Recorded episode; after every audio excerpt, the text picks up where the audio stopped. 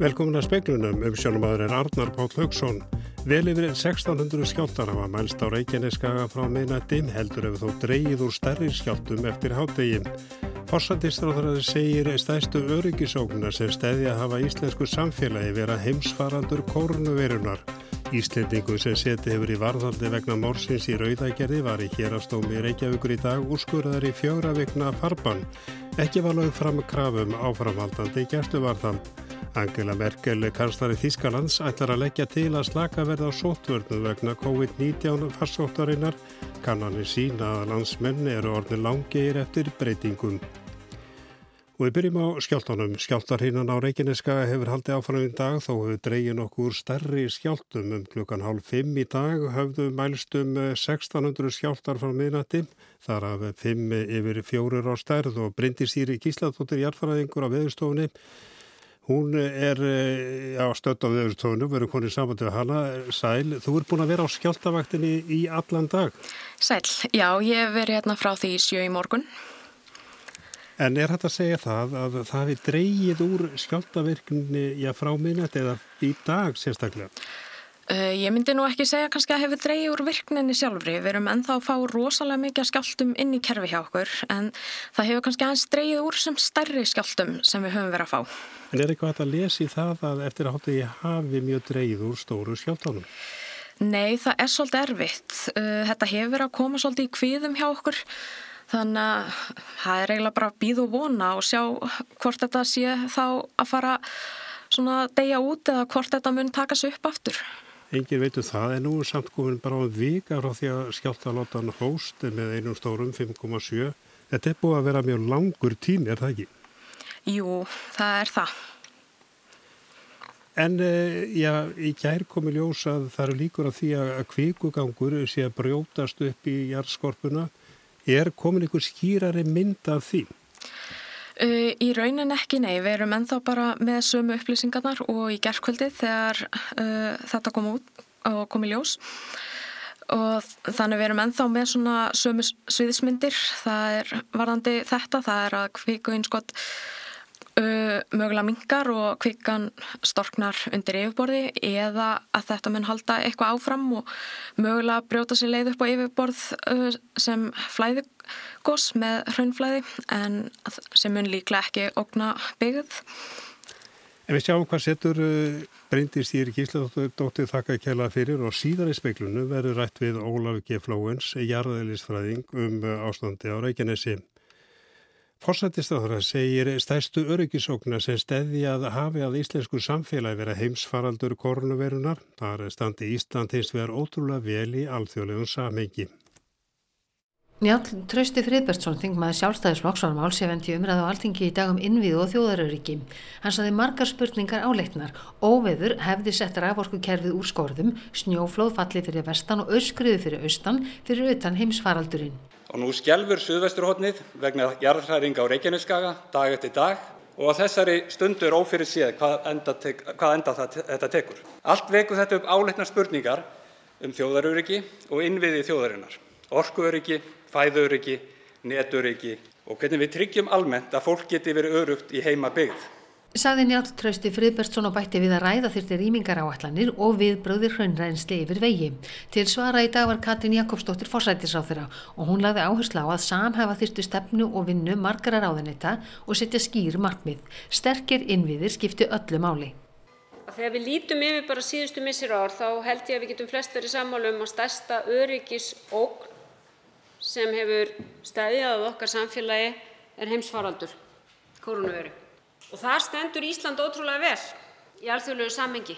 Óháðar mælingar mæla okkur í sjöunda sæti í því hvernig okkur hefur tekist, tekist að takast á við faraldurinn í samanbyrðu væru á þjóður. Saði Katrin Jakobsdóttir, Jóhanna Vigdísi Hjaltadóttir tók saman og hér var að byrjast í rétti. Björgunarsveitir og þyrta landelgisjæsnar voru kallar út í dag vegna tveikja stafsmanna veðurstofu Íslands á Reykjaneskaga, nærri Keili. Fólki hafði verið við rannsóknir á jarðskjáltarinnu þegar það var viðskila við aðra. Það var kallt og hrakið og óskaði eftir aðstóð. Nú rétt fyrir fréttir var annar starfsmæðurinn komin upp í bílbjörgunarsveita. Báðir starfsmennir voru með GPS-tæki á sér og því auðvelt að leita að þeim. Angela Merkel, kanslari Þískalans, hyggst að leggja til á morgun á fundu með leitum sambanstríkjana 16 að slaka verði á sótvannareglum frá næsta mánudegi. Kannanir sína landsmenn er orðin langþreytir á ströngum með takmörkunum vegna COVID-19. Sankvamt uppkastið að tillögum kanslarans sem AFP-fréttastofan hefur séð ætlar hún að leggja til að slakað verði á samkomiðbanni þannig að alltaf fimm mannsúr tveimur fjölskyldum megi hittast frá og með næsta mánudegi. Miðað við núgildandi reglur mega einungist tveir hittast. Jáframt telur hún tíma til komin að leifa að blóma og bókaverslanir verði opnaðar að nýju. Eigandum hárgreðslustofa hefur þegar verið heimilað að taka til starfa á ný. Flestar aðrar verslanir verða lokaðar að minnstakosti til 28. mars, sumulegðis veitingahús, menningarstofnanir, tómstundaheimili og íþróttahús, svo nokkuð sé nefnt. Angela Merkel er undir pólitískum þrýstingi að slaka á ströngum sótvarnareglum sem hafa verið í gildi vikum saman. Kannanir sína að þjóðverjar eru að missa þólinnmæðina. Einnig börst fjöldi fyrirtækja í bökkum þar sem þeim hefur verið haldið lokuðum í vonum að þannig megi draga úr veirusmitum. Átti fjögur þúsund smitt greindust síðastlegin sólaring. Áskir Tómasson saði frá. Íslenskum kartmanni sem verið hefur í haldið laurugli halva mánuð vegna morsins í Rauðagerði Reykjavík var sleppt úr haldi í dag en hann um leið úrskurðar í fjóra vegna farban. Fimm eru enni í gæsluvaraldi vegna málsins og verður farið fram á áframhaldandi gæsluvaraldi yfir þremur þeirra á morgun en ekki verið tekin ákunnum hína tvo. Fjórir aðrir er í farbanni. Marger Sveinsson aðstóðar yfirlörglu þjóttjálaurugluna á höfuborgarsvæðinu býst við að rannsóknin standi yfir í nokkrar vikur til viðbótar. Já, rannsóknin miða bara nokkuð vel, miða umfang og hérna þannig að við erum bara núna og hefum verið núna síðustu daga verið í yfirherslum og, og vinna úr gögnum. Telið ykkur vera með næg sönnugurinn í höndunum til að gefa út ákjæri eða ákjæri ef svo ber undir? Það bara kemur í ljós á síðari stígun þegar við skilum málið frá okkur til ákjörðsvis sem netur þá gögnin sem við byrjum til þeirra. Hvort það verður gefin út ákjæra eða hvernig það er. Hvaða tímaramæður er við nefnir? Hvernig getur þið búist í því að málið fari til ákjörðsvis? Þegar við erum búin að fá öll gögn inn í málið og getum senda til þeirra, þá verður það sendið til ákjörðsvis.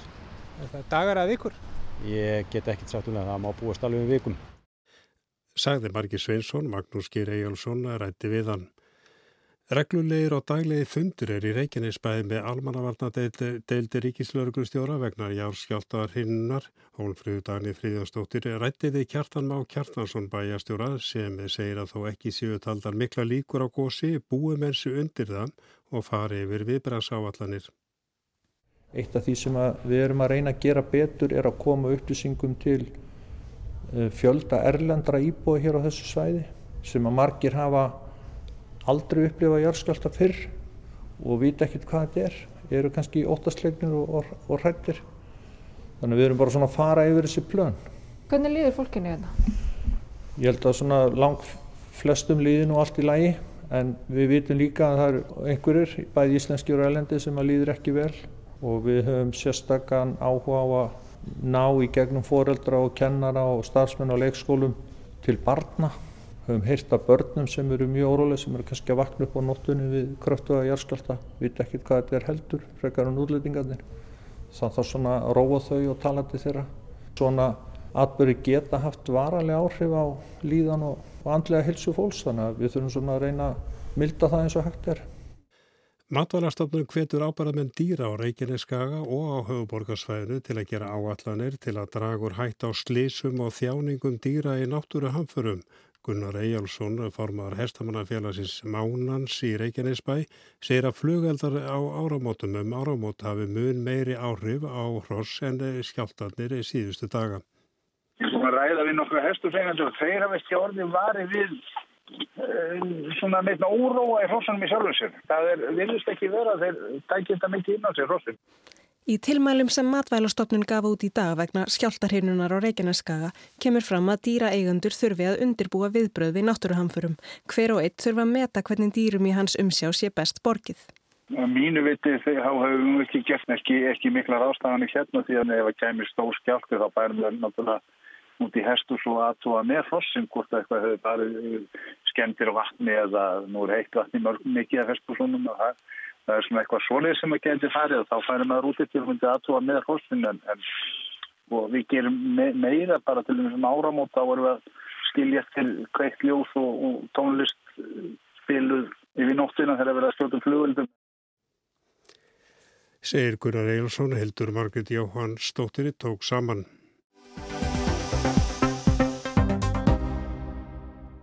Og eins og kom hérna fram á þann að þá heldur skjáltar hinnan áfram á Reykjaneskaga og fram meðan þetta var mælst í að rösklega 1600 skjáltar en það hefur dreyið úr stærri skjáltanum og það hefur verið dregnar upp ymsar sviðsmyndir af þróun mála á Reykjaneskaga. Það má segja að vísindamenn viti núna hvað er að gerast en það er ómulagt fyrir það að spá um hvað muni gerast.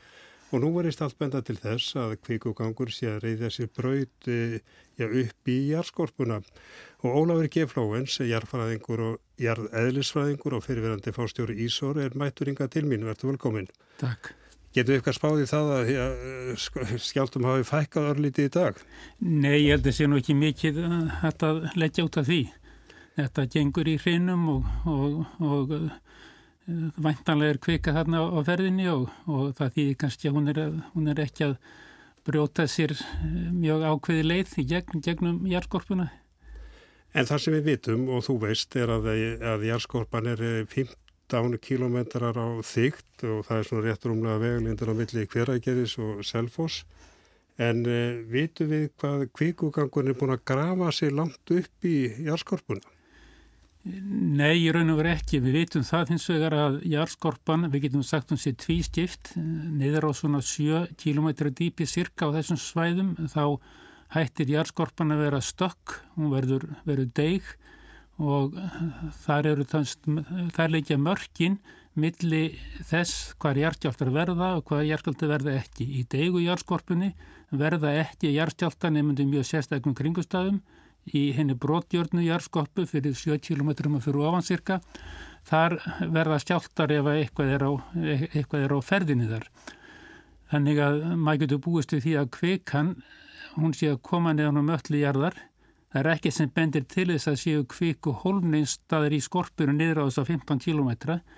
Þannig að það má ætla að kvikan sé búin að vera leiðinni upp í einhver tíma núna frá möllu jarðar síga hægt upp, eða rýsa hægt upp í gegnum neðri hluta járskorpunar, svo kemur hún að þessum brotmörkum eða þessum mörkum þar sem skoppaðum eru störk, stökk. Og þá þarf hún að brjóta sér leið eða að flekarhefingarnar að opna leið fyrir kvikuna og fram upp. Og það er vantilega það sem er að gerast núna að, að, að flekarhefingarnar skapa skilirði fyrir kvikuna til þess að komast inn í hinn stökka hluta járskorpunar og, þangað, eh, og, og það fer þó eftir einhvers konar sprungufleti. Og þegar kvikan fer inn í svona mjóan, mjóan sprunguflött menn að vera að tala um að þetta sé kannski einn metra á þygt eitthvað svolítið sem er aldjeng þygt á svona bergöngum á landinu að, að, að þarna þá er kvikan að færast nær, nær yfirborðu þá verða stjálkarnir samlega en þeir þurfa ekki að vera stórir. Við höfum reynslu frá til dæmis upptyppingu fyrir nokkrum árum síðan þess að mann töldu svona fyrirbæri vera ferðinni að þá voru skjáltar gætna svona starðagrannu tveir sem voru að brjóða þar sem hún var að fara upp, upp í neðstæruða skorpunar. Þannig ef ég skilda rétt að þá er svona ákveðið samspil á milli ja, flekarheifingana og uh, kviku gangsins. Já, það má telja næsta örugt. En eh, ef að gós verður, þá er verið að spá því að þetta verði ekki stort uh, gós, já, hversuna eru menn að segja það? Já, ég held að menn séu fyrst og næst að horfa á þau gós sem hafa orðið á liðnum árþúsundum við, á þessum slóðum. Það hef ekki verið neitt feikilega stór, eh, en hitt er hann að mála eh, þessi staður það sem að stjáltarnir eru núna og menn ætla að segja kvikugangur undir, það er mjög nála til að vera undir gíg Eh, þráinstjaldar sem er gömul eldstöð eða, eða gömul eldingja sem að gauðs fyrir einhver tíma í lok ísaldar fyrir 10-12.000 árum eða hvaða nú er. Og, og þar kom eh, fyrirna mikið magnar hraunu upp miða við eh, önnur eldgóðs á þessu svæði. Þannig að ég held að það séu alveg erfitt að segja það fyrirfram hversu stort svona gós verður. Það getur orðið lítið, það getur líka orðið talfið stort. Það er bara ómálið að segja. En stort gós tíði vantar að það verður komið mikið hraun en það er ekkit volið mikið læti í þessum gósum? Nei, maður býst að ynga megin við því. Þetta eru vantarlega sprungugós og ef þetta er gós sem var í svipað því sem myndaði þráinstjöld þá myndi það fljótlega stjappa saman á eitt stafasprungunni, myndi eitt gíg og svo myndi renna raun úr því bara hægt og rólega í daldinn tíma. Það er lítil svona kvikustrókavirkni og lítil aska eða vikur frá því. Það er yfir þetta, það er ekki búist við miklu öskufalli. Já, hvers vegna er það? Það er vegna þess að þetta er sprungugoss og kemur vegna, bara hreint raun upp. Já, þetta er sprungugoss, þetta er ekki að koma úr kvikuþrá sem er að, er að spýta úr sér mjög, mjög rætt mikli kvikgostutum tíma. En uh, með brennisteins mengunar og var að koma frá ykkur sviðsmynd frá veðustofunni að það, það er kannski þetta að segja um, það er svona einhverja líkur sem er við að spá í að þetta dreifist út um allt uh, Reykjanes og yfir á höfuborgarsvæði en það mun fylgja eins og kannski öðrum gósum uh, já, ykkur skonar brennisteins mengun. Já, já, það fylgir, fylgja þessu gös, fyrst og fremst gafst í koldíjóksið en, en líka brennisteins sambund og, og það getur Eh, auðvitað valdið einhverjum óþægindum en menn búast nú ekki held ég almennt við neinum, neinum stórfældri mengun af þessum sökum. En bara við verðum að ljúkur sér tími líð svo rætt að, að meðan við góðsuguna að þá má búast við að það sé eh, hugsalega hefjast góðskeið en á 30 til 50 ára fresti að þá eru flekanir að reyka saman og búa til jarðskjálta það er kannski eins og annað með þetta gósa, við getum ekki spáð fram í tíman, erum við að, að gangi inn í nýtt e, já, gósgeið sem að í gegnum aldinar eða söguna hafa staði kannski í þrjár aldir. Já, út frá þeirri ofur einföldu uh, sækfræði sem menn er að horfa á síðustu 3000 árin, þá hefur þetta komið á cirka 1000 ára fresti og staðið í, í nokkrar aldir og það eru 800 ár síðan síðasta hrinuleik og út frá því sjónamið geta menn eh, kannski álíktað mjög óvarfærnislega að eh, við séum að hljótum að vera nálgast nýtt svona skeið. En bara örstuðt í lokin, já, eh, einn sviðsmyndin er svo að að það yngangur í eða hvað er þetta hérna innskotið kviku innskotið að það bara harni og stoppi, finnst þið það líklegt að það gerist? Alveg eins, já. Þá verður bara ljúkursu eh, Ólafur eh, Flóens þakkaði kærlega fyrir. Takk svo fyrir leiðis.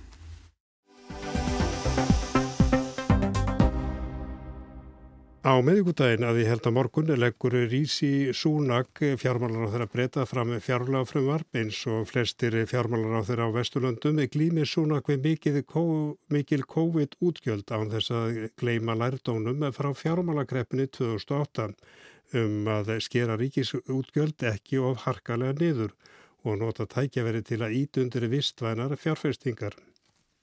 Fjármálaráþurar víðum heim leita nú með logandi ljósi að tekjum til að mæta ógnarlegum COVID-19 útgjöldum, hækka skatta eða ekki. Þá einnig Rísi Súnag, fjármálaráþara breyta sem leggur fram fjármálafrumvarpið núna morgun. Þegar hann gerði það sama um svipaleiti fyrra var hann varla búin að leggja frumvarpið fram áður en það var úrelt sökum aðstæðina. Það er vissulega auðveldara nú en þá að sjá aðstæðir fyrir og nokkuð raunsa í vonum að viðtæk bólusetning gegn veirufaraldrinum hafi jákvæð efnahags áhrif þegar líður á árið. Það rétta er hér og nú að styðja við efnahægin eins og Súnag sæði í viðtali á sunnudaginn the right thing to do right now is to keep supporting the economy. Súnag þarf nú að ákveða hvernig og hversu lengi aðstóði fólk og fyrirtæki verði haldið áfram, til dæmis stuðningi við lálöna fólk og bresku hlutabóta leðinni. Árið 2008 var það fjármálakreppan, nú er það efnagsremmingar í kjálfar COVID sem ríða yfir Vesturlönd. Þegar ríkistjórn íhalsflokksins kom til valda 2010 undir fórustu David Camerons fórsætsráðara var niðurskurðar kutanum óspart beitt til að skera niður skuldir.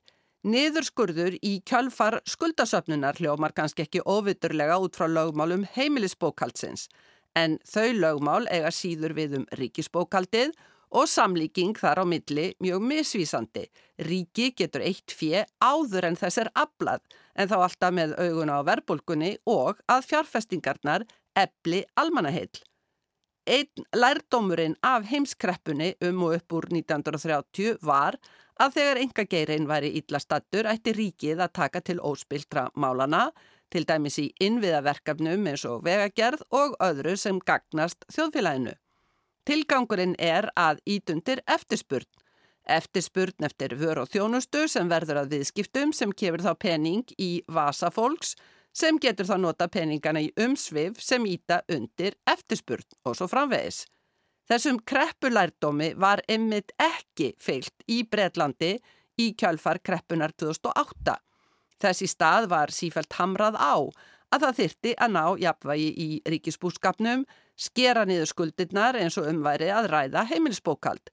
David Cameron fyrir um fórsætsráðra viðræði nýlega í viðtali að lærdómurinn af 2008 væri aukin ríkisumsvið án þess þó að nefna að nei, ekki lærdómur sem hann fylgdi sem fórsætsráðra. Þegar flokksbróður Camerons, Boris Johnson, kom til valda sumari 2019 var markvist dreyið úr sparnartalinu. Ekki að því Johnson væri hallur undir ríkisumsvið, hann trúir mjög enga geiran, en hann ætlaði að verða leiðtogi gleði og skemmtitíma, ekki daburlegra samdráttartíma. Svo skall á COVID lítið um skemmtan og veiruváin hefur rækilega slegið á löngun ríkistjórnar íhalslokksins til að amast við ríkisumsviðum. Umfang þeirra sem hlutvall af hagkerfinu ekki sama áhugjefni þar og áður.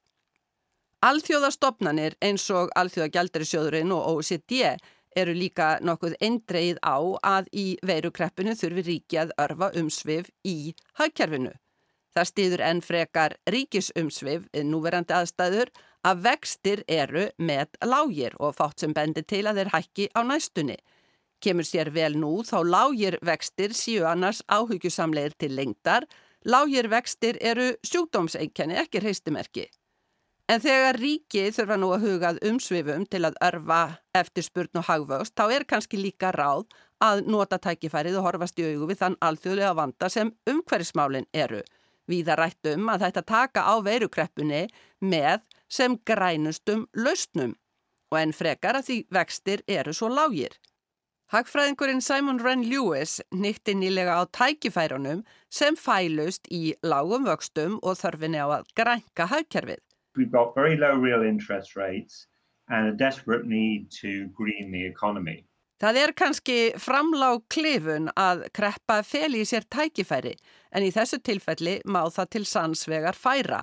Það þarf ríkisumsvið núna þegar einhvað geirin er við í lamassessi vegna veirufaraldursins og þá sjálfsagt að ríki noti lægið til að taka á öðrum stórvægum vanda, lofslagsvandanum.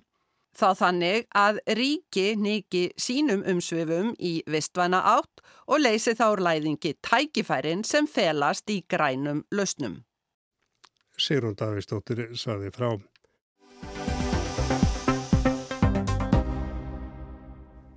Rúsnest fyrirtæki eru fest kaupa á einni fremstu vjelsmiðju í Nóriði. Þar eru byggðar eh, framleitar Rolls-Royce vélar fyrir skipu þar að meðal skipu norska flotans og vélbúnaður í varskipinu Þóri líka úr þessari smiðju. Í Nóri ótast menn að óvininum í austri verði nú falið viðhald og eftirlitum borði í norskum herskipum. Nú þegar er komin fram hótun um vantraust á ríkistjórn Ernu Solberg. Það er þingmaður framfaraflokksins, stuðningsflokkstjórnarinnar, sem gefur fósættisir á þeirra tvo kosti. Annað hvort verður salan á vjelsmiðun í Björgvin stöðvuð eða lögð verður fram tillega um vantraust á stjórnina. Svo heittir í kolonum. Rauna hika aðrir flokkar í stjórnaranstöðu við að taka undir þessa kröfu fyrstum sinn. Engvað síður óanæjan viðtæk og þegar er farið að ræða um ímsar óheitla vænlegar afleiðingar af sölu á vjálsmiðunni.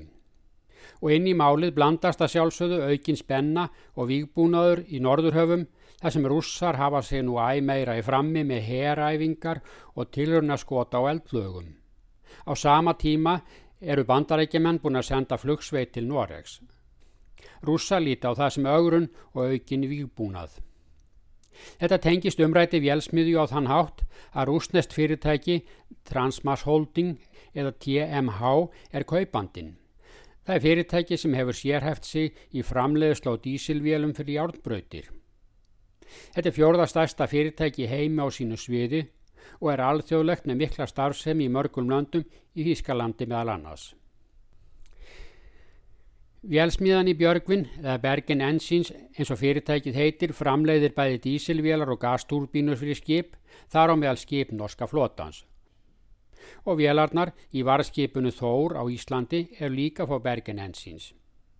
Þeir sem mótmæla þessari sölu hér segja að viðhald og eftirlit með vélbúnaði hjá norska flotanum færist nú yfir á rúsneskar hendur. Og í hættu mati norskra stjórnvalda segir að Erlend og Gagvart Noregi stafi umfram allt frá Rúslandi. Óvinni númur eitt verður því falið að halda við varnarflota normanna. Undir þetta fellur líka nýtt norsk njósnaskip sem umfram allt er ætlað að fylgjast með umsöfum Núrsa í Norðurhöfum. Verði af sölun á vélsmiðunni frá Bergen geta rússar haft sína menn um borð í norska flotanum. Og þess vegna líka um borð í varskipinu Þór. Vélsmiðjan á líka í samstarfi við norsku vopnasmiðuna á Kongsbergi. Bergen Ensins er ekki í norskri eigu tótt fyrirtæki starfi í Noregi rétt norðan við Björgvinn. Þar vinna um 800 manns. Eigandi er Rolls-Royce og vélarnar framlendar undir því merki. Það er Rolls-Royce sem hefur selt rúsum versmiðuna og samningurinn á að taka gildu um áramót nema salan verði stöðfuð af öryggisástöðum. Talsmenn Hægriflokks Ernur Solberg fórsættisir á þeirra segja að ríkistjórnin eigi ekki að skipta sér á kaupum og sölum á fyrirtækjum. Vel sé hægt að tryggja varnarhagsmunni þótt alþjóðlegt fyrirtæki eins og Bergen Ensins skiptu um eigundur. Frank Bakke Jensen varnamálar á þeirra Noregs segir ekkert sé óttast. Því er þó ósvarað hvað gerist í stríði og viðhald flotans er á hendi óvinnarins. Af hálfur rúsneska fyrirtæki sem segja sagt að það sé ekki handbendi rúsneska stjórnvalda en það starfsvefminn nú víða um lönd og eignarhaldið dreift. Velsmiðan í Björgvin sé aðeins eina mörgum á vegum fyrirtækisins og tengist ekki hernaði heldur ekstra á hjártbröðum. Fulltrúar tveggja stjórnaranstöðuflokka hér á stórþinginu vilja fyrst fá skrifleg svör frá varnamálar áþra um hvernig allrar varúðar verði gætt þegar og ef rúsneska fyrirtækið tekur við viðhald á vélum í norska flotanum. Þessi svör verða að koma áður en farið er að spá í vantraust á ríkistjórnina. Næsta skref í þessu máli er því að meta hvort svör varnarmálar áþra dugi þeim sem efast um heilindi rúsneska fyrirtækisins. Kosið verður til stórþings í haust og í komandi kostningabaráttu er þetta kjörið átakaefni. Það snýst bæði um öryggis og varnarmál og líka um framtíð versmiðunar við Björgvin, eru rússar aðeins og höttunum eftir tækninni sem þar er að finna og ekki að spá í atvinnu fólksins. Og svo er því ósvarað hvernig ríkisvaldið á að stöðva sölu á fyrirtæki og taka yfir rekstur þess. Og það var Gísli Kristjánsson sem að saði frám við lítum aðeins til veðurs, suðaustan 3-10 metrar á sekundu og regning suðvestalands er norrlagari 8-8 til 15 metrar á sekundu og slittið að snjókoma norðan til síðar í kvöld. Hiti við að 1 til 6 stig en kólnatalsvert á norður og austurlandi sent í kvöld og nótt rofar smá saman til eftir minnætti. Suðaustan 8 til 13 metrar á morgun og skíjað og sunnan á vestanlands en lítilsáttar væta við sjáarsíðuna og hiti 0 til 5 stig. Annars hægari víða léttskíjað og frost 0 til 5 stig. En við sögðum með hans frá því að vel yfir 1600 skjáltar hafa mælst á Reykjaneskaga frá minnætti heldur hefur þó dreyið úr stærri skjáltum eftir hátegi. Forsættistráðra segir stæstu öryggisókna sem með steðjað hafi að íslensku samfélagi vera heimsvaraldur kornuverunar. Íslendingur sem setið hefur í varðhaldi vegna morsins í rauðagerði var í hérastómi Reykjavíkur í dag og skurar í fjóra vegna farban. Ekki var lögð fram krafa um áframhaldandi gæsluvarðhald. Angela Merkel, kanslari Þýskalands, hefur í Þýskalands ættar að leggja til að slaka verða á sótverðu vegna COVID-19 farsóttareinar. Kannanir sína að landsmennir orðnir er langir eftir breytingum. Og matvælarstofnun hvetur ábyrðamenn dýra á Reykjaneska og höfuborgarsvæðinu til að gera áallanir til að draga úr hættu á slísum og þjáningum dýra í náttúru hamförum. Gunnar Eyjálsson, formar hestamannafélagsins Mánans í Reykjanesbæ, segir að flugeldar á áramótum hafi mun meiri áhrif á hross en skjáltanir síðustu daga. Og það er ekki mikið meira í spegnum í kvöldi, teknumar var Mark Eldrit og við minnum á fréttur okkar í sjóarpu klukkan 7, verið í sæl.